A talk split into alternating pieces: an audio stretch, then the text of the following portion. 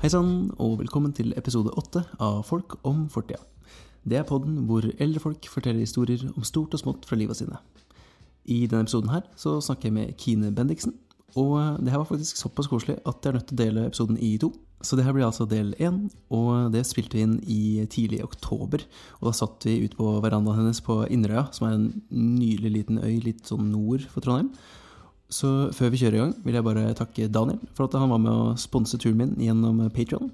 Og hvis du kunne tenke deg å spytte inn en 20-kroning i måneden du òg, så ligger det en link i beskrivelsen. Men nok om det. I denne episoden her så snakker vi om bl.a. Kines forhold til teknologi.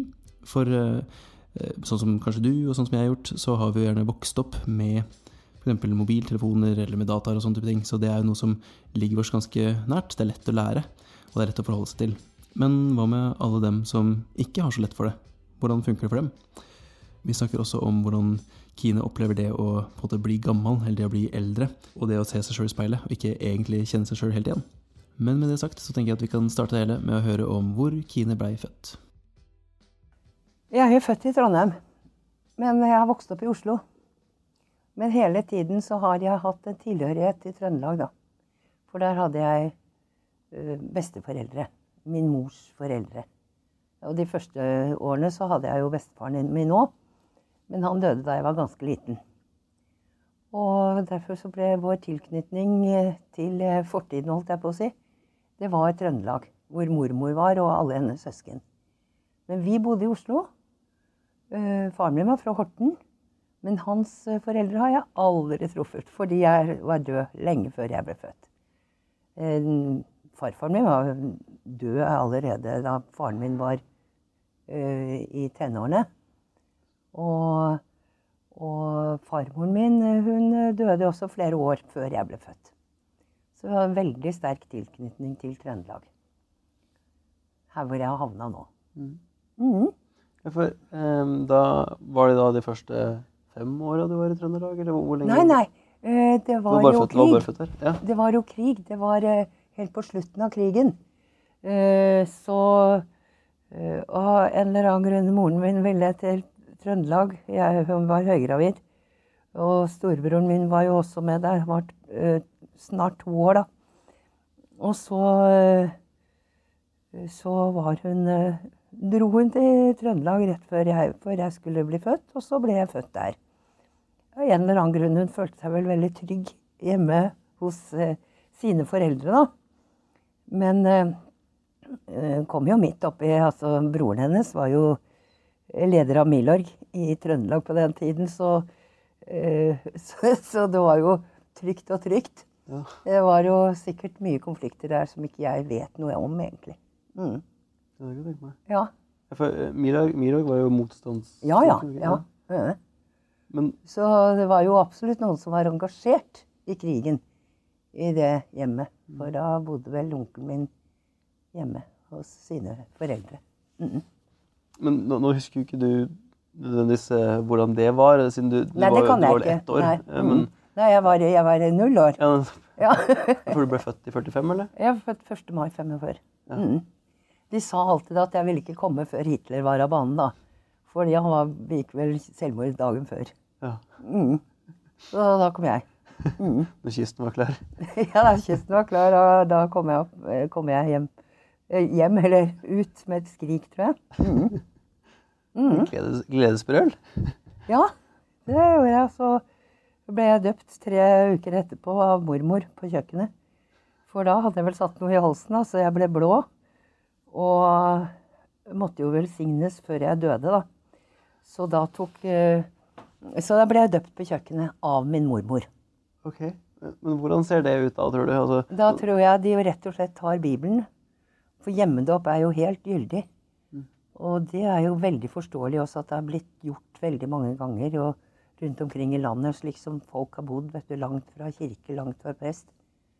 Og i alle fall hvis livet sto på spill og man skulle uh, over i det hinsidige, så kom man jo ikke til Gud hvis man ikke var uh, døpt. nei, nei. Nei, så jeg ble døpt av min mormor. I frykt for at du skulle dø. Ja, ja, de trodde det. Men eh, så kom tanta mi hjem eh, da dåpen var over, og hun hadde vært Lotte under krigen. Og eh, hun skjønte vel hva hun skulle gjøre, da. Så hun grep tak i beina mine, i anklene mine, holdt meg, holdt meg i beina og begynte å slå meg i ryggen. Yes. Så da overlevde jeg likevel. Jeg føler, når du sier Lotte under krigen, er det sykepleier, eller? Ja, jeg vet ikke hva Lottene gjorde. Ja, det var iallfall en del sanitetsarbeid, tror jeg. Mm. Jeg har ikke gått sånn inn på hva Lottene egentlig gjorde, jeg, men, eh, men eh, jeg tror at sanitet var ganske aktuelt der, ja. Mm, så visste vel litt om Ja, visste hva hun skulle gjøre, rett og slett. Men kan du fortelle egentlig litt om, om, eh, om hva du har hørt av uh, f.eks. Uh, mora di eller mormora di? eh, hvis- for det var um, hun ene som du hadde kontakt med på Ja, ja, ja, var ja. Det var den eneste jeg hadde. Ja. Mm. For med tanke på at um, mora di tok seg bryet til å, å dra til Trøndelag hvis Ja. for hun var opprinnelig i Oslo Ja, de Tidligere? bodde i Oslo. Ja. Foreldrene mine bodde i Oslo. ja. Men var den tilknytningen de hadde til familie, det var jo i Trondheim, da. Mm. Men det må jo ha vært en ganske eh, lang tur? Ja. Eh, jeg vet jo ikke akkurat hvordan det var. Lurer på om de måtte ha tillatelse for å reise og sånt noe med tog eh, under krigen. For det var vel det de gjorde. Mm. Eh, du, de detaljene fra krigen om hvordan det har vært med å få en togtur, det, sånt vet jeg ikke. Det er så klart. Nei. Men jeg tenker det er, det er mye rundt um, det der som du logisk nok ikke vil ha noe forståelse av, siden du ikke var Ja, født. ja. Men um, for eksempel det, det du nevnte med at um, det var det onkelen din som var med i Milorg. Som, leda det. Ja. Ja. Eh, altså alle de detaljene som du da har fått høre i etterkant. Ja. Når du, du har jo vokst opp i tida etter, Ja. eh, men da har du kanskje fått eh, høre om hvor ille det var, eller Ja, ja, sånn, hvordan tilstanden Mye. var sånn. Ja. Mm. Så hvis du bare kunne fortalt litt om, om eh, det du veit fra familien din, ja. eh, hvordan den tida kanskje var for dem, eller Ja, det tror jeg har vært veldig tøft. Jeg tror at de måtte gå med nåler omtrent. Og øh, det var jo, mm, som jeg har forstått det, mye sånn Man visste ikke hvem man kunne snakke med, eller og man kunne ha eh, tegn på Vær forsiktig, eller noe sånt. At noen satte en blomster, blomsterpotte i et bestemt vindu. Det betydde noe, ikke sant? Ting betydde noe i et internt språk. Og, og han onkelen min som jeg snakket med, han var arkitekt, og han var jo liksom professortype, så han spilte jo vel på det. Med, og han, han jobbet aktivt i Milorg, og han eh, Men han brukte jo liksom sin kulturinteresse til å, til å redde forskjellige steder, altså fra ødeleggelse, da. Ved å appellere til, eh, til tyskernes eh, det de hadde av kultur i sin, i, som, som natur, eh, kulturnasjon. Og ingen mistenkte han, den Estré, dosenten som han var da, til å være så slu som han var. Men årene før det, krigsutbruddet, da, da vet jeg at han gikk fra Trondheim. Det var visst mye snø og skare og sånt på den tiden i april. Han gikk til Stølen. For han ville, han ville eh, tilslutte seg motstandsgruppe, og der fant han ingen. Og så gikk han etter hvert. Og eh, de gikk og gikk og gikk på dårlig snø og havna på Hegra, på Hegra da. Hvor det var eh, kamper, og bodde inne i fjellet og sånt noe. Så, men eh, det der er jo velkjente historier som ikke jeg er den som kan så mest om.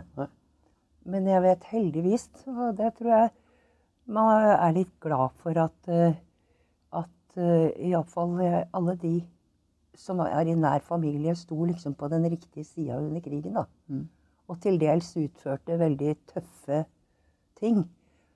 Som veldig mange andre i Norge også gjorde. En annen onkel han var motorsykkelordonnans og var jo den som eh, med livet som innsats eh, skulle peile ut hvor tyskerne var, da. Han var jo i kuleregn mange ganger. Ja, for, hva, hva var egentlig Og det som, eh, det, han kjørte jo motorsykkel da, også for å, for å rekognosere og se hvor, hvor er det tropper underveis nå. Hvem skal vi, hvordan skal vi gjemme oss? Hva skal vi varsle? Sånn og sånn og sånn. Ok. Altså, det blir en slags, sånn speider, på en måte? Ja, det blir på en måte speideren, en som er i fortroppen, da. Ja. Og varsler og hvor, hvor det er farlig å være og slikt. Det må jo ha vært jævlig eh, eh, Ja, eh, Stressende, for å si det mildt. Ja. Farlig. Mm. mm. Nei, yes. ja, for jeg tenker, Selv om du ikke nødvendigvis er den som sitter på alle fakta, når det kommer til det der, så er jo den personlige tilknytninga som du har til det gjennom familiemedlemmene, Ja, ja. gjennom det Ja. de har opplevd, Mm. Er jo på mange måter sterkere enn faktaene sjøl. På mange måter. Ja, bortsett fra at jeg kan jo øh, Jeg kan jo ikke gjengi det kanskje helt riktig heller, da. Nei, nei. Det er kanskje forvrengt i mitt hode. Det er ikke det, da. For disse tingene her er såpass øh, velkjente at det står notert ned både her og der. Men øh, det er klart at øh, det å bli født akkurat når dette helvetet her ble slutt Og det, jeg var jo veldig heldig der, da. Bra timing, kan du si. Ja. Mm. Absolutt. Ja. Hva, hva er det du husker egentlig fra um, Altså, for all del, eh, de, de tidligste minnene dine vil jo være forma av en tid som har opplevd noe Eller som har um, undergått en ganske sånn historisk begivenhet. Altså, Ja, ja. Det, det er jo Jeg kan huske sånne ting som at uh, vi ungene når, Vi var jo alltid ute. Var, ungen var jo alltid ute og lekte før. Uh, Det var helt vanlig, for da er ute og gjorde rampestreker. Og, eller mer eller mindre rampestreker, da. Det der med flyalarmer, f.eks., det var jo helt velkjent. Hvis det var flyalarmer, så så vi bare på en klokke. Og vi visste jo alltid hvor det var en klokke. Vi gikk jo ikke med det sjøl, men øh, men det var sånn Oi, er klokka er tolv? Ja, da er det bare falsk alarm. Det var så Sivilforsvaret hadde sånne stadige um, prøver. Mm, teste anleggene, ikke sant. Mm. Det kan jeg huske som noe vi opplevde veldig ofte. Uh, tut, tut, altså sånn uh, tuting. Og da var det bare å se. Hvis klokka var tolv, så var det ikke alvor. Har du ikke hørt om det engang? Ikke mm, Nei, ikke, altså jeg har hørt om at det var mye flyalarmer Ja, tidligere. Det har jeg. Men, det er, Eh, men du har kanskje hørt det nå også? Det er liksom, vet ikke om det er én gang i året, eller hva. Det er iallfall veldig sjelden. Ja. Og det er alltid lagt til klokka tolv. ja. Ja. ja, nei, når du sier det, så har jeg hørt det tidligere. Er det tre minutter etterpå eller noe sånt at det kommer sånn faren over? Ja. Da, ja, da er det nytt signal om at det var Men hvis klokka er tolv altså, så, så Alle sa jo at hvis det ble ny krig nå, så må det ikke, så må det ikke varsles når klokka er tolv, for da er, det, da er det ingen som tror på det. mm. Nei, nei, men det er artig å høre hvordan eh, altså, sånne type ting kan, kan henge igjen. da. Ja, Uh, ja. Men det var jeg, Kanskje det er helt fordreid i hodet mitt, men jeg syns vi opplevde det veldig ofte. Mm. Ja. Og så Og forskjellige fly. Vi visste jo ofte Altså så på var vel ikke så mye eh, sånn eh, passasjerfly som det er nå. Det var ikke så mye, tror jeg. Men vi eh, Flyene, de fulgte vi med. Og det var et sånt fly, og det var et sånt fly. Akkurat nå husker jeg ikke hva de het for noe, da. Men mm. at noen Ja. Det var en passende bakgrunnslyd å ha. Ja, ha ja, nå fikk vi det, vet du. Mm. Men eh, det er sånne ting som jeg husker. Jeg tror jeg må ha vært ganske liten.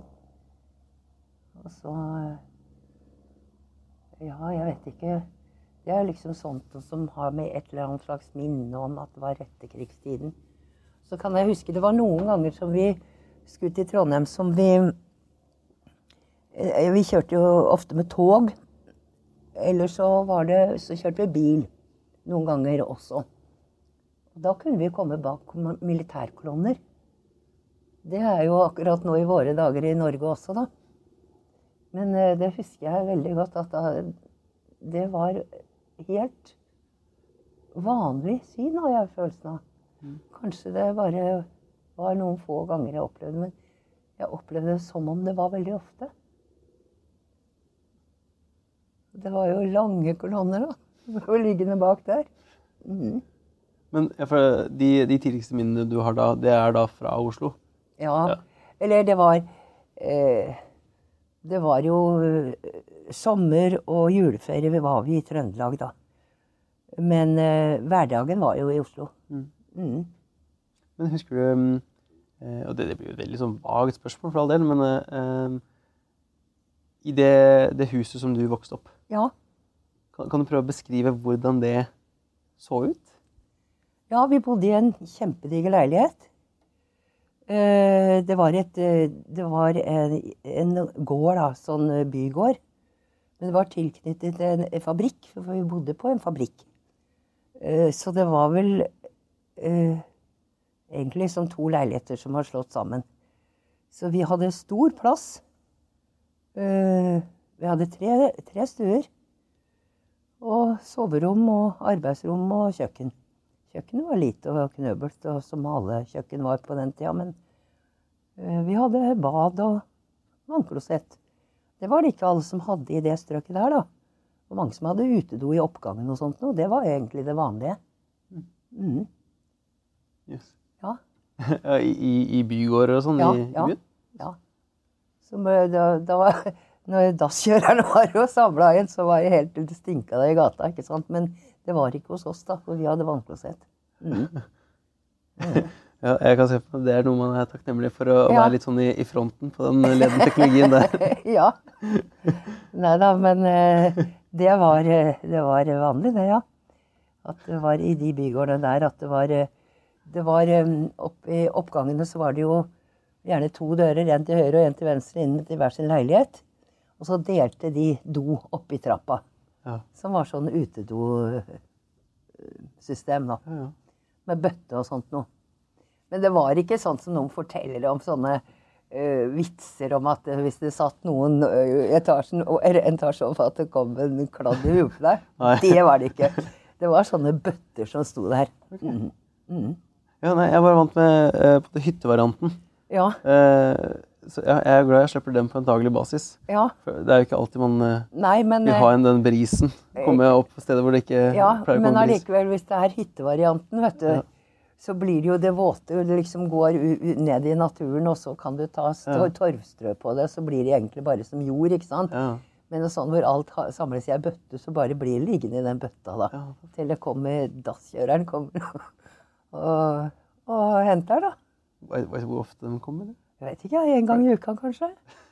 Øh, Det må jo stinke ganske ja, greit etter klart det. Øh, Ja, ja. ja. ja nei, men det, for da er vi på eh, 50-tallet. 50-tallet. Mm. Mm, mm, Ja. mm. Nei, da har vi kommet eh, langt Ja, siden har det. kommet Ja, vi har det. Mm. Ja, nei, det, det er godt å vite. Men, Ja. men siden det, du vokste opp på det, i en, en leilighet som da var tilkobla til en fabrikk Ja. eh, den, den leiligheten høres jo ganske stor ut, så Ja, det, var stor. det var kanskje tilknyttet til den fabrikken? Ja. på en måte? ja. Ja. Eh, jeg husker hvordan det på påvirka livet ditt eh, på, på den tida? Altså var det, Kjente du de folka som jobba rundt på fabrikken? Ja, ja. ja. Mm. Altså, vi hadde veldig stor plass. Og vi hadde vel til den tiden å være veldig god råd. Men vi bodde i et strøk hvor ikke det var noe vanlig. Og det var Det var ikke noe rart Jo, det var rart. Det var, jeg var jo privilegert. Jeg var klar over det også. Og, det, øh, og, og vi så jo at mange ikke hadde det sånn i det hele tatt. Og jeg har jo vært øh, hjemme hos folk som har hatt en stor familie på ett rom og kjøkken. Altså hvor kjøkkenet liksom bare var en bitte liten tarm, og så har alle sov i stua. Mm. Eh, og det er klart at du blir tidlig i livet klar over sånne forskjeller. At det er ikke sånn det skal være. Så det var ikke noe sånn Slett ikke sånn at 'Å, jeg er heldig som har det så fint'. Det er, det gærent at det skal være så store forskjeller. Det er rett og slett helt gærent. Det er vondt, og det skal, det er ikke sånn det skal være. Eh. Når du sier store familier, altså, hva, hva er en stor familie for, for deg da, egentlig? Eh, hva med storfamilier? Hvor Altså, var det jeg brukte det nå? Ja, du nevnte at eh, du, du var hjemme To, to, to foreldre og to barn, f.eks. Ja. Og bor på en stue som er godt under 20. Ja. Og har uh, hvite mus i, i bur på kjøkkenet. ikke sant? Og Ja. bitte lite kjøkken. Ja. Men, uh, og stua er kanskje, kanskje 20 kvadratmeter. Ja. Det er feil, det. ja, absolutt. Uh. Nei, det, det er mange folk på liten plass. Ja. Men eh, altså mm, Var det Følte du at det var et problem å på en måte komme fra Nei. den type bakgrunn i Nei. de omstendighetene? Nei. Ikke fordi vi ungene lekte sammen og var helt sånn på linje. For det ble ikke noe sånn derre uh, Jeg vet ikke om uglesett på at det blir riktig ord, men altså, sånn, med tanke på at, at hvis du Når den ungen går hjem, og, den ungen, og du går dit Ja. Om det, det følte at du kjente noe på den forskjellen, egentlig? Nei, men eh, eh, jeg har vel eh, alltid eh, Jeg har aldri prøvd å være spesiell. Jeg har mer syntes det har vært godt å være alminnelig. Mm. Skjønner du det? Og det tøffeste jeg visste, da Det var jo noen i klassen min på folkeskolen. Det var tre jenter som bodde sånn like ved hverandre. Og så fikk de like jakker. Og så sånn De var eh, Det var eh, en enhet som, eh, som jeg så veldig opp til. Mhm. Det syns jeg var veldig, veldig trygt og godt. da. Ja. Mm. Var du en av de tre jentene? Nei, jeg var ikke det. Nei, er du gæren? De fikk blå De fikk blå vinterjakker, alle tre. En gang, og det var innmari tøft. Men alt sånn som å få ting og, og klær og alt det der, det var jo Det var jo helt annerledes enn nå, ikke sant? Som utvalget var ikke så stort, og var ikke noe vits, var ikke noe sånn at det jeg arva jo bare klær av storebroren min. Det var noen som sa 'Er det deg eller broren din?' For vi var så like i ansiktet da. 'Er det deg eller broren din?' mm. Jeg- Så jeg syns det så veldig virka veldig tøft å være liksom Å bo sånn helt nær hverandre og ha lik jakke, og kanskje de var med på samme tingene sånn utenom skoletid og sånt. Og det syns jeg ja, er veldig forlokkende for meg, da. Mm. Mm. Ja, for når du da eh, eksempel arver klær av Ja, broren din og sånn, ja. følte at det, det kunne være vanskelig å skape sin egen personlighet? Når du Nei da. liten, eller? Du, alle arva klær. Ja. Men det var ikke alle som hadde arva en bror. Nei, det var det jeg tenkte på. Og jeg var jo ei jente. og så husker jeg det at eh, Altså, det var, klesutvalget var jo helt annerledes enn det er nå og da. Og så husker jeg det at eh, vi hadde bare mørkeblå klær. Og det var fordi det var så greit når det skulle gå fra den ene til den andre, ikke sant? Og så husker jeg var en gang at eh, det var noe som ble sydd til oss. Helt like jakker. Og så fikk jeg skjørt. Og så fikk de andre uh, bukse, da. Jeg vel blått skjørt, og de fikk blå bukse, brødrene mine. Og jeg var i midten, da. Men det var jo helt veldig greit at den jakka skulle være liksom helt snitt, da, eh, samme snitt, sånn at det kunne gå fra den ene til den andre, ikke sant? Det var sånn man tenkte. Ja. Ja. Helt, det var helt vanlig. Var det mora di som eh, sydde de klærne der? Nei, ikke, akka, ikke akkurat de greiene der. Hun var ikke noe flink til å sy. Men eh, nei, det var det gammel kone som gjorde for en gang. Og, altså en gang, Det husker jeg. Men vi, lenge før det, vet du, som Nå er jeg jo på sånn eh, oppe i 50-tallet, men ø, bare noen få år etter krigen så fikk vi en gang en pakke fra Sverige. Og der var det så, Vi vi kalte det kjeledresser. Heter det kjeledresser nå også? Ja, Ja, sånn hel dress, da. Mm. Jeg tror det var glidelås foran. Eller jeg er ikke helt sikker på om det var knapp. Jo, det var glidelås foran. Og de var grå.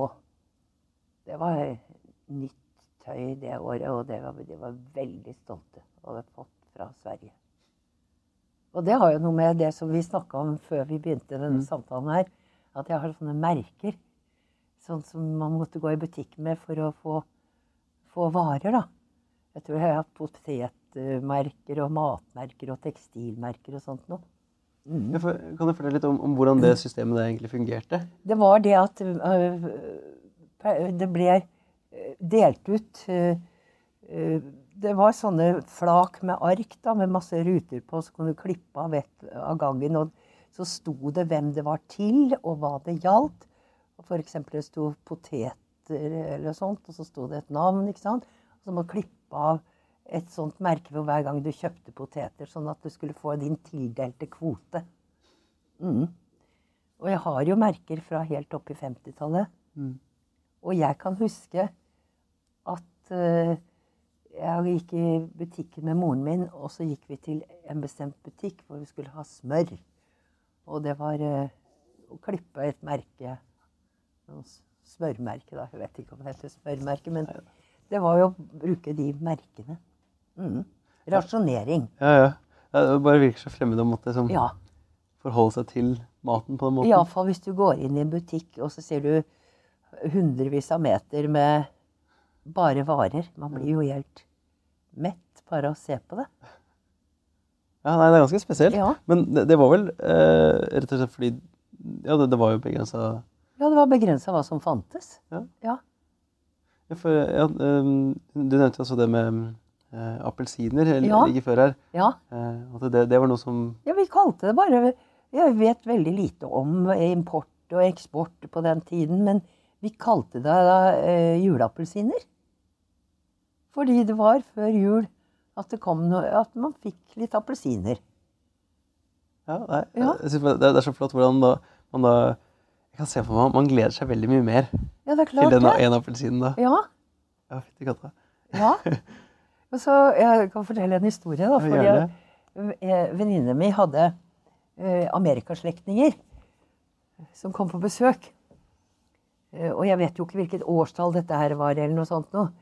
Men hun hadde iallfall fått et et par appelsiner. og, og så fikk jeg en appelsin av henne. Og så var vi ute og lekte.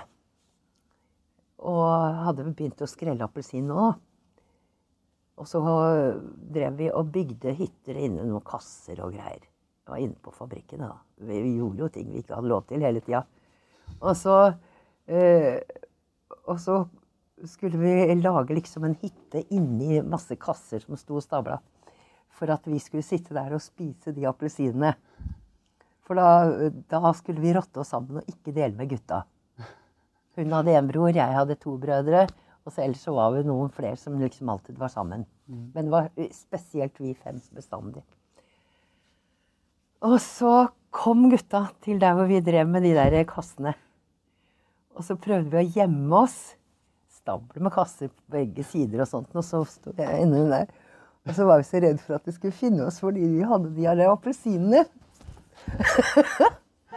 Men ja, når på året var det her, da? Ja, Det aner jeg ikke, men jeg, vi hadde ikke så innmari mye klær på, så det kan må ha vært sommer, høst, vår, sommer, høst. eller Så sånn. det var ikke vinter. Nei, det var ikke Nei, det var juleappelsiner. ikke juleappelsiner. Og så nærma de seg. Så nærma de seg.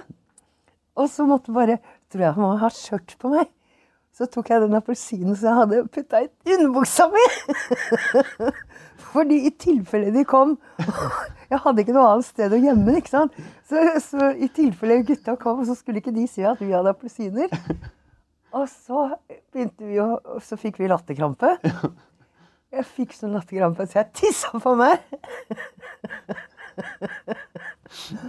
Ja. Fant du appelsinen da, eller? Jeg husker ikke om vi ble funnet, men jeg husker bare at det var jo den store sorgen at jeg allerede hadde begynt å skrelle appelsinen, da. Men jeg, jeg husker ikke hvordan det endte. Jeg husker ikke hvordan det endte. Men det var fordi at vi vi var så heldige som hadde, hadde de appelsinene, og vi ville, ikke, vi ville ikke dele dem da. Da ble det altfor lite på hver. Og så var det vi som hadde fått dem. Så ja. Vi gjorde ganske mange rampestreker, da. Det er jo også litt tankevekkende. Det er jo ingen som gjør rampestreker lenger. Nei. De fleste er jo bare gullunger, og så er det, så er det noen få som ikke klarer å være det. Og de blir jo bare kriminelle, holdt jeg på å si. Det var veldig vanlig at uh, unger var ganske rampete. Altså sånn små uh, småting, da. Som hva da? Ringe på alle ringeapparatene og løpe på Som var sånn Det er jo ikke kriminelt. Men det er jo å være litt rampete. Og så er det kjempegøy. og så kan jeg huske hvordan det var å sitte på Å sitte på trikken.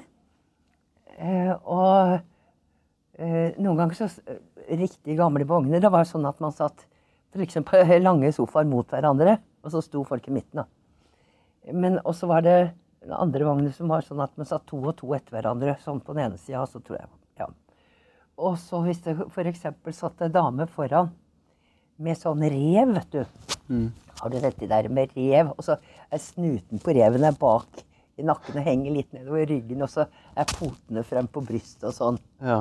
Ja, sånne revekraver, da. Og da følte vi oss litt rampete hvis vi satt bak en sånn dame, så klappet vi reven, ikke sant? Det er jo forferdelig uskyldig. Men det er jo ingen unger som gjør sånt i dag. Nei, det er kanskje Men Derfor vi sitter med hvert sitt brett. ja. Ja. Like ved her jeg bor her nå, så er det et falleferdig hus.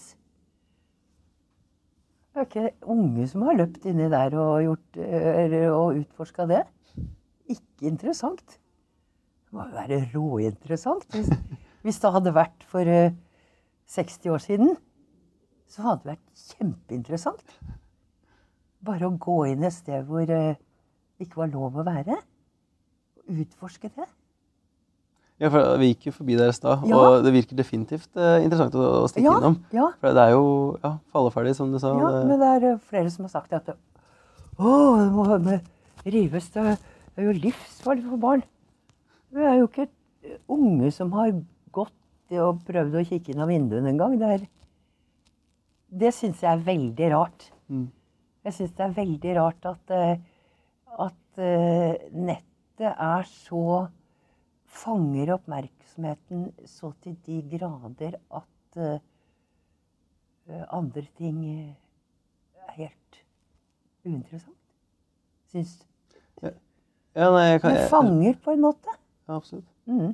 Men hvordan ser du egentlig det positive og negative ved det der? Altså, hva, hva, hvilke sider er det du du skal se på begge sider av samme sak, da. Ja, Hva, hva er det du ser da? Ja, man må trekke fram positive, positive ting òg, selv om det er veldig vanskelig for meg, for jeg hater jo nettet. Ja, jeg hater alt det der med logg inn med sånn og sånn ID. Da forslår jeg helt krøll på meg. Men man kan jo finne ut av alt mulig eh, på internett. Man kan jo google alt mulig. Men hvis du googler 'natur i Trøndelag' og opplever den bare ved å gå inn på nettet på kart eller sånn og sånn. Men det er bare det at naturen er rett utafor døra di. Du går ikke ut i den. Eh, Det som er nær deg, som er det virkelige livet, det eh, det er, det, ikke, det er mange som ikke gidder å utforske det, da. Mm. Heller leser om det. Det er jo litt Ja, nei, det, det er veldig Jeg syns det er veldig rart. Ja, man, man mister jo en, en stor del av det. For altså det, Ja. Det er noe helt eget å eh, ja, bare være ute i omgivelsene og Ja. Bare så alle de nyansene da med eh, Du kjenner en kjølig luft mot uh, huden din, du hører lyder Altså alt det derre som egentlig bare er der, som du kan oppdage hvis du bruker oppmerksomheten din på å sanse her og nå, da. Mm. Men, men det du var litt innom eh, tidligere med, med de rampestrekene, f.eks. Ja. det å utforske eh, det å utforske steder som du egentlig ikke burde være på. Ja, ja. Eh, hvordan føler du at det altså, Hva føler du det har ledet til, eller hva, hva slags godt føler du at det har kommet ut av det? Eller, Det er- Vanskelig å spørre- vanskelig å svare det, på, men det, er, det er jo kjempevanskelig å svare på. Jeg vet ikke om det, om det har ført noe annet enn opplevelsen i seg selv med seg. Men, men uh, i det hele tatt uh, Hvordan blir man kjent med verden og liv og, og, og sånt noe hvis man ikke eh, prøver å utforske den annet enn på et brett? Det, Mm. det syns jeg, det synes jeg må være veldig rart, samtidig som jeg ikke klarer å jeg klarer ikke å forestille meg at jeg er et barn som, som lærer verden å kjenne på den måten. Det er jo veldig fremmed for meg, Mm. rett og slett. Mm. Men jeg tror jo at barnesinnet er veldig åpent, da. Så Så jeg tror at uh, tar man unge med på ting i natur, tar dem med eller lar dem eh, løpe litt fritt og ta fra dem det brettet av og til, så, så tror jeg vi får noen opplevelser der som de ikke kan få via nettet. Mm. Det tror jeg. Det er bare alt i sanseapparatet. -hmm. Det er eh, Jeg kan ikke si at eh, alt var bedre før, det er ikke det jeg mener. Men eh, det er eh, eh, Det er mye som folk blir avskåret fra, Mm. tror jeg. Absolutt. Mm. Jeg kjenner jo veldig godt til et barn som skulle være med noen på hyttetur. Og der hadde de internett. Og, som, og, og så Ja, det var et barnebarn, det også, da. Ikke han som du kjenner. Eh, og, og så visste han egentlig at der var det nett, og det skulle være liksom så tøft. For det her er ganske mange år siden. Men så sa han han kom hjem det var, det var noe feil. Så det, det var noe feil med koblingene. Eller sånn. Og så sier han jeg var egentlig glad til, så fikk vi oppleve noe annet. For da var jo skiløypa rett utenfor. Da var naturen rett utenfor. Hvis ikke så hadde det bare vært å flytte seg til et annet hus liksom, og sitte med akkurat det samme Ja. som de kunne gjøre hvor som helst. Ja. Ja. Jeg, jeg, jeg tror også man taper mye eh, ved å det. ikke benytte seg av det man har rundt seg. Altså, ja, Internett er flott, altså, men eh, mm. det er jo ikke ment at du skal på en leve i internett. Altså, det er jo mye man har rundt seg som man har vært å oppforske. Men jeg tror det sikkert det er ting som ikke jeg forstår også. fordi jeg eh, har jo skjønt etter hvert at noe av det som de som er veldig fanga av det, opplever, det er jo at de har et fellesskap der også. Eh, For var en gang jeg kom og skulle si Hei, hei, mormor er her, ikke sant. Og så, å, så, satt, eh, så satt en fyr da foran, eh, foran skjermen og kommuniserte med en annen, ikke sant. For da, på det tidspunktet, så oppfattet jo jeg det, eller jeg trodde at, at de som satt med skjermer, bare satt der aleine og plaffa ned og greier på sånne krigsspill. Men de hadde jo en kommunikasjon. Mm. Men det er en helt annen måte å være sammen med enn å sitte og snakke sammen med, eller å stå på gatehjørnet og henge, eller å løpe om kakk på Løkka og sånt noe. Mm. Det er en helt annen måte å være sammen på. Så jeg kan egentlig ikke vurdere verdien, av det. Nei. Jeg kan bare registrere at det er en del ting som de ikke opplever, som jeg har opplevd. Ikke sant? Eh, Hva slags um, opplevelse er det du egentlig kanskje ville oppfordre andre til å ha òg da? Som du har hatt eh, tidligere, så- som du har i bagasjen din? Nei, det er bare det at vi lekte fysisk, altså. Vi brukte jo kroppen vår og lekte Altså, vi bare fant på Vi hadde ikke noen sånn veldig regelstyrte regler. Vi bare begynte å fly etter hverandre, og så 'Jeg ser deg', og Ikke noe sånn spesielt eh, strikse regler, men vi løp jo alltid, og vi Altså, man uh, utvikler seg jo via å bevege seg òg, da. Mm, Ja. absolutt. Ja. Men uh, det var bare en mye større livlighet, har jeg følelsen av. Ja. I bevegelse, altså. Rent fysisk. Mm. Mm. Nei, men det er, det er veldig mulig, det. altså. Ja. Men du, du var også innom uh, det her litt tidligere med eh, at du, du gjerne kunne tenke deg å eh, være en del av det hylekoret som kanskje har eh, gjort litt motstand mot f.eks. det med bank-ID og nettbank. Yes. Mm. Mhm. Men eh, kan du fortelle litt om eh, hvordan det er å være en av dem som ikke har lyst til å bruke nettbank? Ja, nå skal jeg fortelle. Det, har nemlig det blitt mye lettere å være uten nettbank. Det har blitt mye lettere nå enn det var for bare et par år siden. For pensjonistene har protestert. For det er jo øh, Det har vært sånn i mange år at hvis man skulle i banken for å fikse noe, så har det liksom vært bruk nettbank, bruk nettbank, bruk nettbank. Eh, og jeg vil ikke ha nettbank. Eh, jeg er skitredd for alt mulig sånn. Eller jeg er ikke bekvem med nett og bank i det. Og kjøss meg bak, holdt jeg på å si. Eh, men så har det jo vært store protester. Altså sånn Over 400 000 nordmenn føler seg totalt overkjørt. Det er ikke så lenge siden jeg leste det. Så nå har iallfall Den norske bank har snudd helt.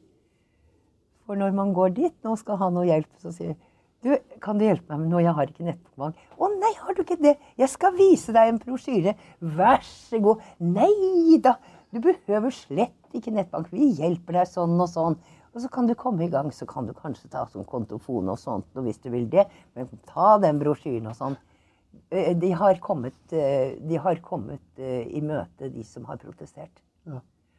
Og det er jeg er veldig Jeg er av de som protesterer. For jeg har ikke brukt nettet i mitt arbeid. Det har ikke vært noen nødvendighet der. Så ble jeg pensjonist. Så ble jeg sjuk. Eh, og var sju ganger på sjukehus i fjor. Innlagt. Og eh, i den tiden her så Og så har jeg jo blitt eldre, da. Eh, og hva skal jeg bruke tiden min til? Skal jeg bruke all min tid på å lære meg det som noen sier at jeg må kunne? Den slags kunnskap den faller meg ganske tungt. Og hvis det går an å greie seg f.eks. uten nettbank, så gjør jeg det. Og det går utmerket godt an. Så jeg er gjerne idiotenes talsmann der, altså. Ja, for, eh, det der eh, syns jeg er veldig spennende. For eh, Ja. akkurat med nettbank så er jeg det, det har jo kommet i den fasen hvor jeg både har vokst opp. Så Ja. da jeg fikk meg bankkort og sånn, Ja. da, da var jo det her helt vanlig. Ja. Eh, så jeg kjenner ikke til alternativet. Nei. Eh, men du viste meg jo i stad at eh, her, her har man giro en giro. Ja. For da vil det vel bare si at du får en, et ark Mm. med informasjon Altså du får faktura, rett og slett, hvor du fyller inn Ja, Dine detaljer? og det gjør jeg bare hvis det er noe ekstra. Ja. Det, altså Hvis det er faste utgifter, det er jo ordna med banken på avtalegiro. Ja. Så det tenker jeg ikke over i det hele tatt. Det går helt av seg sjøl. Men det er hvis det er noen ekstra utgifter til noen som jeg ikke har noe sånn eh, Fast forhold til. fast forhold til. Ja. Mm. Da, da skriver du det, og så sender du i posten, ikke sant? Ja, så sender jeg det i posten. Ja. Ja, ja, Må jo holde liv i posten òg. Ja, for all del. Ja. Ja, nei, det, er bare, det, er så, eh, det er så lett å glemme bort at Ja, det men her hadde vært annerledes. For meg da, så syns jeg det er stor glede at det koret av de 400 000 som bare sier fra at de føler seg helt overkjørt Og det finnes jo folk her i verden som er i Norge som er eldre enn meg. Ja, absolutt. 20 år eldre enn meg. Ja, ja. Som, og som kanskje til og med øh, syns det er enda mer kronglete enn det jeg syns. Mm. Og det er jo er, det Du, det, må, det er ikke forbudt å være dum heller, skjønner du. Nei, jeg tror det er enda bra. Ja, det er jammen bra. Ellers så Så hadde det vært eh, en del blir vi, snart blir vi skutt, vet du. Nei da, det er det vi ikke blir. Nei, fordi det er ikke forbudt å være dum. det er det som Nei, ikke ennå. Ja, men det kan du ha som overskrift hvis du finner en sånn essens her. Det er ikke forbudt å være dum, nei. Jeg er gjerne, jeg er gjerne en av dem. Mm. Nei, det er flott. Ja, nei, men eh, jeg syns det er veldig godt å, å, å høre noen som er veldig sånn eh, At det, det er tydelig, og at det er Ja. greit å ikke og, å, å bare vise litt motstand. For altså, Ja. Samfunnet går jo i én retning. Ja, Eh, og det er ikke det at du på død og liv vil gå i en annen retning, men Nei. det er bare det at du, du ikke vil bruke tida di ja, det er det. det der. For jeg har jo hatt øh, venner som har sagt ja, men du må lære deg dette. Du må gjøre det. Det er så lettvint når du først er i gang. Du må det, du må det. med kravene er sånn og sånn. Så har jeg bare sagt nei, det er ikke det jeg skal bruke livet mitt til. Fordi det er, det er for tungt for meg. Det er mange andre ting som ikke er tungt for meg. Jeg, jeg vet at jeg ikke er helt parkert oppunder topplokket ennå. Men eh, det er ikke det er ikke internett jeg skal eh, kaste meg over, altså. Jeg googler, ja. Jøss, visst kan jeg gjøre det. Men sånne ja, registrere her og der, og så kommer det sånn masse kontrollgreier, og der, da vil det slå helt krøll på meg. Men um, eh, jeg tenker vi Nå, nå hopper jeg litt. Jeg Ja, tar, meg, tar meg friheten. Eh, for du har jo snakka om at du har eh, vokst opp i Oslo. Ja. Eh, og det jeg er veldig nysgjerrig på, er Ja. egentlig Hvis vi hopper litt grann fram i tid fra oppveksten, Ja. og vi tenker litt mer på sånn eh, Si slutt av tenåra, tidlig 20-åra Ja. sånt noe. Ja. Hvordan er det egentlig eh, for deg da på Da er du jo i 60-tallet. Ja. Eh, og å velge den retninga du vil ta med ditt liv. Ja, det var ikke så eh, rettlinja, det. Eh, altså, jeg begynte jo ikke på teaterskolen før jeg var 27. Eh, så jeg studerte musikk før det. Ja. ja. Og så var det en sånn eh, ja, jeg- Egentlig så har jeg alltid følt meg mer som musiker enn som skuespiller. Men jeg ville jo gjerne ha et fag som jeg ikke kunne få Som jeg ikke kunne få utdannelse til i Norge. Og jeg vet jo ikke om jeg hadde klart det heller, da.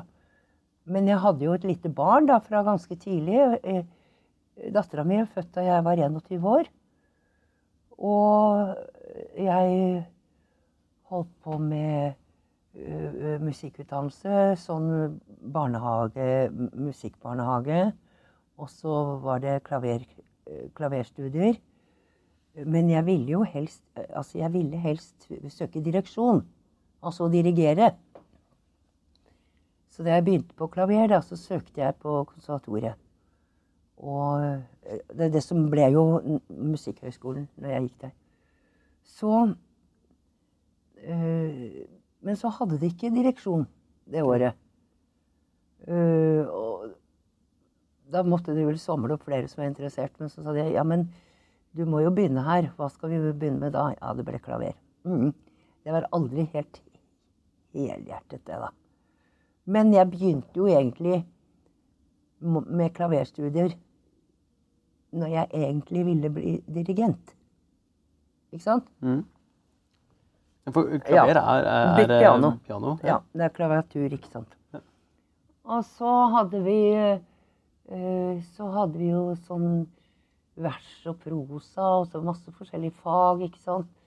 Og så vet du, le- lese lyrikk, da. Og så tenkte jeg Da skjønte jeg at jeg hadde jo litt sånn sansen for det òg, da. Mm. Og så tenkte jeg nei, nå, nå søker jeg teaterskolen. Det var mer sånn Så gjorde jeg det, da. Ja. Mm. Men var det bare full rulle fra 27? Ja, jeg hadde, jeg hadde aldri stått på en scene da jeg søkte teaterskolen. Det var på sånn eh, opptaksprøve der, så hadde jo jeg aldri stått på en scene før. Så, Hvordan er det på det støtta fra foreldra dine og sånn, da? ja, faren min var jo død, da. ikke- Faren min var jo død. Mm. Eh, og moren min, hun eh, Det var ikke noe protest på det. Jeg bestemte jo sjøl, jeg. Men hun, før, hun døde, da, så Hun opplevde jo at jeg var ferdig. Og da flyttet jeg til Trondheim. Mm. Ja. Mm. Og, og hun var jo trønder. Ja, okay, Ja. Så hun, hun var dødssyk, men hun kom opp og så forestilling og sånt og etter at jeg flyttet til Trondheim. Ja. Mm. Så jeg mistet foreldrene mine forholdsvis tidlig, da. Ja, det, Mm. For da er du vel tidlig 30, er det ikke? det? 30? Okay. Ja, da jeg mistet faren min, så var jeg bare rett over 20. Var jeg 22 da? 1-22. Eh, men eh, ja, det var Jeg var 22. Eh, for nå husker jeg at i fjor, på 17. november Oi, så husker jeg at jeg Jeg skrev på sånn Facebook-melding. Eh, I dag er det 50 år siden faren min døde. Mm. Det var i fjor, på 17. august. Og da skrev jeg også det som jeg absolutt mente, og jeg mener Og nå har jeg bare lyst til å bli liten igjen. Litt lyst til å sitte på fanget til pappa. ikke sant? For det føltes veldig trygt. Ja. Mm. Så jeg hadde Ja, det var ikke noe protest fra ham. Han var død. Det, det er jo egentlig som er veldig spennende med egentlig det å bli eldre. For altså, Mm. eh, den, den personen man har på det inni seg, er jo Mm. egentlig den samme Mm. eh, personligheten man alltid har, uansett hvor gammel man, blir. Det Det er bare det skallet man har rundt seg, som på en måte Ja. og blir litt annerledes. Ja, en av onklene mine, Alle onklene mine ble over 90 år. Alle Ja. onklene på morssiden. Uh, og en av dem, han, uh, han var dårlig. Altså, han, han var dårlig en og Så var han over 90. Så da hadde han fått eh, hjemmehjelp og sånt. Noe hjemme, hjemmesykepleie, mener jeg, et par ganger om dagen. Og så hadde, fordi han var dårlig, så måtte han gå med bleie lite grann. Han gjorde ikke det resten av livet, altså. Men så, så, så husker jeg han sto midt ute på gulvet, så sa han Se på meg, Kine. Her står jeg med bleie, sa han. Men jeg tror jo jeg er 17 år. Og han, han, var, han var klar i hodet, altså. Absolutt hele tiden. Men altså, han altså følte på det at kroppen var en, eh, Kroppen var gammel, men sinnet var på en måte det samme, da. Ja. Mm. Men er ikke det fascinerende å Ja, se det er det. Mm. Altså, eh, altså hvis du tenker på um, de um, om, det er uh, foreldrene dine tidligere, Ja. eller det er uh, mormor og morfaren din Ja. altså, Alle de folka som du, du har kjent til tidligere, de, de Ja. har jo også vært yngre, Ja. så klart. Og det, blir jo Ja, men det Ja. Og jeg har alltid hørt gamlinger si det sånn. Om at nei, man, så, man føler seg ikke så gammel og sånn. Men jeg som har vært liten og sett på dem, har jo, jeg har jo trodd at de var helt skrukkete inni i huet jeg vet jo, ikke sant? Men, eh, men eh, eh, også, også oppleve det sjøl, da. At vi iallfall eh, føler at det er akkurat de samme øynene som ser verden, og de samme sansene. Selv om eh, kanskje ting er eh, svekket, så, eh, så har jeg ikke sånn følelse av at det er så veldig svekket opp under topplokket. Men, men at kroppen eh, eh, ikke er så, så frisk lenger og sterk. Jeg fortalte i stad at vi løp jo rundt. Vi løp jo bestandig og lekte. Jeg gidder jo ikke løpe, jeg nå. Og så ser jeg på det derre Når jeg ser i speilet, så ser jeg noen sånne skrukkegreier. Og, og, så, og så har jeg vært veldig mørk, da. Herlighet. Jeg har jo mista fargene mine også. Til og med sånn øyenbryn som begynner å vokse, sånne lange, lange grå greier. ikke sant? Og, og de er ikke mørke engang. Så jeg har liksom forandra meg i utseendet. Mm. Og det er kjemperart. Se på et bilde, så ser vi meg hun der eh, gråhåra dama i midten. Oi, å, ja, det var det var jeg som sto der i midten, ja. det, og, og at man har blitt så forskjellig på utsida, det er veldig rart for meg sjøl. Men for de som ser meg hver dag, og som bare har sett meg sånn, Mm. så må jo jeg være et gammelt rekel. Selvfølgelig. Selvfølgelig. Ja. Fordi det, du ser jo bare skallet. Mm. Mm. Det det. Kjemperart. Men eh, altså, jeg syns det, det, det med at eh, man kjenner seg som en alder kanskje Ja. innvendig i forhold til det man er utvendig Ja. sånn. eh, hvordan, hvor gammel føler du deg egentlig innvendig? Altså, jeg føler at du har stoppa på en alder, sånn som eh, han onkelen Nei, var det onkelen din? Ja, han som sto der og sa han Men det var hodet han snakka om. Eh, Ja, men, men akkurat det er akkurat som om eh, Jeg vet ikke om det er helt samsvar mellom hodet, som jeg tror er ganske friskt uh, foreløpig, og jeg Du virker ganske klokkeklar. Og også at jeg har ganske bra hukommelse, lærer, lærer ting sånn. Så det, men det er ikke sikkert at det er helt samsvar mellom det som er inni knollen, liksom, og, og kroppen. For jeg har vært ganske syk eh, ett og et halvt år. Mm. Nå er jeg ganske bra og klarer å stabilisere noen ting, da. Men eh, det er ting de passer på med meg hele tiden. Mm. Så jeg føler nok at kroppen min er veldig svekket. Ja. Ja. Men sånn innvendig. ja. Jeg føler at du eh, er Altså, ja, egentlig for å bare løfte det opp til samme spørsmål, Det er- føler du at det er, samme, at det er en alder som du stoppa på? Eller Nei. er det en kontinuerlig Eh, Ja, jeg kan ikke si at jeg føler meg som en 30-åring eller 40-åring. Jeg gjør nok ikke det. Og da tenker jeg på rent fysisk, da. Mm. Uh, nei, du, jeg vet ikke. Og jeg vet ikke om jeg er den jeg var da jeg var fem. Men jeg var, er jo det. Mm. Men jeg husker at jeg hadde en klar tanke en gang jeg var tolv år. Og for meg sa fram noen ting som var eh, som ingen skulle komme og fortelle meg uh, skrøner, for jeg hadde skjønt ting her i virkeligheten. Mm. Da var jeg tolv. Og da tenkte jeg nå er jeg voksen. Nå kan ikke de voksne drive og lure meg lenger. Og jeg tror at øh, jeg hadde Jeg gjennomskuet at de kunne lyve. For jeg trodde jo at voksne, de kunne jo ikke lyve. Mm. Alt de voksne sa, var sant. Det var noe jeg bare innbilte meg. Ja. Mm. Sånn fullstendig tillit til de voksne som var omkring meg. Da, sånn. Men så eh, begynte vel det å sprekke. Og da, men jeg husker at jeg hadde en sånn klar tanke eh, eh, da jeg var tolv. Nå er jeg voksen. Nå kan de ikke lure meg lenger. Ja. Mm. Men jeg føler at du har hatt noen sånne type øyeblikk i seinere tid, eller? Eh, det, det vet jeg ikke. Kanskje ikke Eh, i seinere tid, men altså Jo, jeg har hatt en sånn eh, Om jeg har sagt fra øh, til en lege For eksempel Jeg, jeg var Det var en situasjon Jeg var helt utkjørt. Det var masse sykdom og død og alt sånt som omkring meg. Og jeg var på full jobb, og jeg var omsorgsperson så til de grader at jeg holdt på å klappe helt sammen.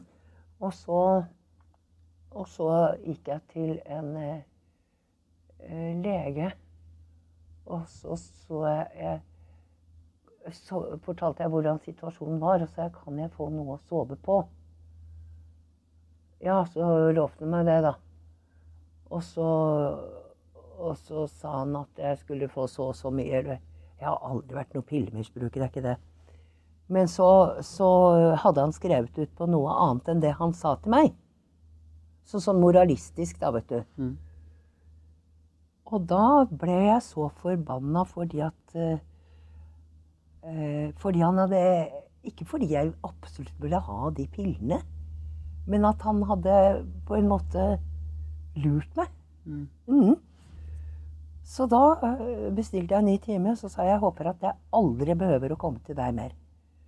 Som driver og sånn later som, og så er du sånn moralist som egentlig ikke lytter i det hele tatt. Du vet, det var veldig deilig. Det var veldig befriende. Fordi leger har jo vært veldig sånn status... Ja, ja, ja. Eller det har vært et statusyrke, da. Ja. Men jeg sa at jeg håper at jeg aldri mer trenger å komme til deg. ja. Ja. Hvordan tok han det, egentlig? Husker, Nei. husker du hva han svarte? Han så ned når han så meg etter det. Han ville ikke hilse på meg. Nei. Eller han så vekk. Og jeg så rett på ham, da. Jeg var, jeg var så forbanna. Ja. Mm. ja, men det er jo flott at du sier ifra. Ja, jeg var kjempe Fordi at jeg, han uh, trådte inn som en sånn vanvittig moralist i en sånn krisesituasjon. Han kunne iallfall tatt på en annen måte da, enn oss, i, i, i stedet for å drive sånn og jatte med meg, og så, så bare tulle med meg. Ja. Mm. ja. men det er artig hvordan eh, eh, altså nå kommer Jeg på det, jeg har en bakgrunn hvor det er en del sånn eh, helserelaterte Ja. yrker i, i, i familien. i hvert fall. Um, og eh, akkurat det med status har jeg skjønt at det, det har eh, Ja, virkelig vært litt andre tider ja, det for har eh, det. leger rundt For omkring i landet. Eh, Legen og presten og læreren. Mm. Eller iallfall legen og presten. Eh, første jobben jeg hadde etter at jeg eh, var eh, ferdig på gymnaset, det var jo å være lærer på Vestlandet et år. Og eh, kom, var i en, eh, et sted nord for Molde. Og eh, da kom jeg rett fra Artsum og eh, inn i et læreryrke og hadde noe sånn litt sånn lettere kursing og sånt noe. Men da var det noen som, som da var så underdanig i forhold til meg. De var jo mye eldre enn meg. Mm. Det var helt vanvittig å oppleve. Fordi jeg var læreren. Mm. Og det var, jeg husker det var en mor som kom på skolen, og så vi bodde langt unna ute på landet, og, og møtte meg og neide for meg. Jeg var jo helt sjokka. Og så kom jeg fra hovedstaden. Ja. Nei, det var, eh, det var kultursjokk. ja, det kan jeg tenke meg. Men eh, det, bare det å bli eh, tillagt en sånn status bare fordi jeg var læreren, det, det var veldig rart. Ja. Og jeg følte meg Jeg var jo ikke eh, Jeg var ufaglært arbeidskraft. Absolutt. Det var jeg absolutt, ja. Men kjenner du litt på den, eh, den følelsen da av altså, Det er noe som heter uh, imposter syndrome, som egentlig bare går ut på at uh, man føler litt at noen skal liksom avsløre at du kanskje ikke er like god eller like kvalifisert innenfor det du jobber med, som man kanskje forventer at man er. Ja, nei, det tror jeg ikke jeg kjenner til. Fordi det du nevnte med at hun eh, mora som kom langveisfra Ja. og, og neide for deg, Ja. hvor, hvor du da veit at du er en ufaglært Ja. lærer som står der, Ja. at uh, hun da viser deg en respekt som du kanskje ikke har gjort deg fortjent til. Da. Ja. Eh, jeg kan se for meg, Personlig så hadde jeg nok blitt veldig utilpass eh, i en sånn situasjon av mange grunner. ja. Men at blant annet det å, å ikke være kvalifisert til den respekten man får, kanskje hadde vært en av de mm. grunnene. Men jeg, jeg, jeg tilla det ikke noe som, helt som hadde noe som er særlig med meg å gjøre. At det var noe som var nedfelt i kulturen på stedet, eller at hun var kanskje litt underdanig som type også. Mm. Kanskje hadde grua seg fælt til å gå og snakke med læreren. Jeg husker ikke hva det var engang, men jeg husker bare at hun neide dypt, og det var jo helt Det var jo helt merkverdig. Ja, absolutt. Ja. Men jeg begynte jo ikke sånn å si at du må ikke tro at jeg er For jeg er ikke noen lærer likevel. Jeg begynte ikke å ro sånn, da. Og der tenker jeg vi får stoppe for denne gang, men del to kommer ut snart. Og eh, her har du en liten smakebit før vi avslutter helt. Man har kanskje ikke sånne planer for, så veldig mye planer for hva du skal gjøre i framtida. Hva jeg gjør om ti år. Kan jeg gå om ti år? Det er jo sånn man tenker. Eller jeg, iallfall. Mm. Hvis det er noe man absolutt har lyst til å gjøre, da, så er det bare å gjøre det. Veit ikke om du lever. Man vet ikke om man lever om fem år. Om ti år. Det vet jo ingen, da. Men sannsynligheten er jo større for at du ikke er med lenger om noen år. Jo eldre du blir.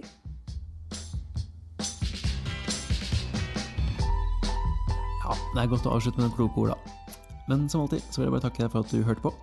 Og eh, hvis du ikke har gjort det allerede, så eh, kan du alltids eh, legge deg litt av vurdering i iTunes eller på podcast-appen hvis du har iPhone. Ja, eller så kan du sjekke ut Folk om fortøyet på Patreon, for det er jo virkelig folk som deg som gjør det mulig for meg å intervjue eller folk rundt omkring i det store landet vårt. Men utenom det så får du bare ha en god jul.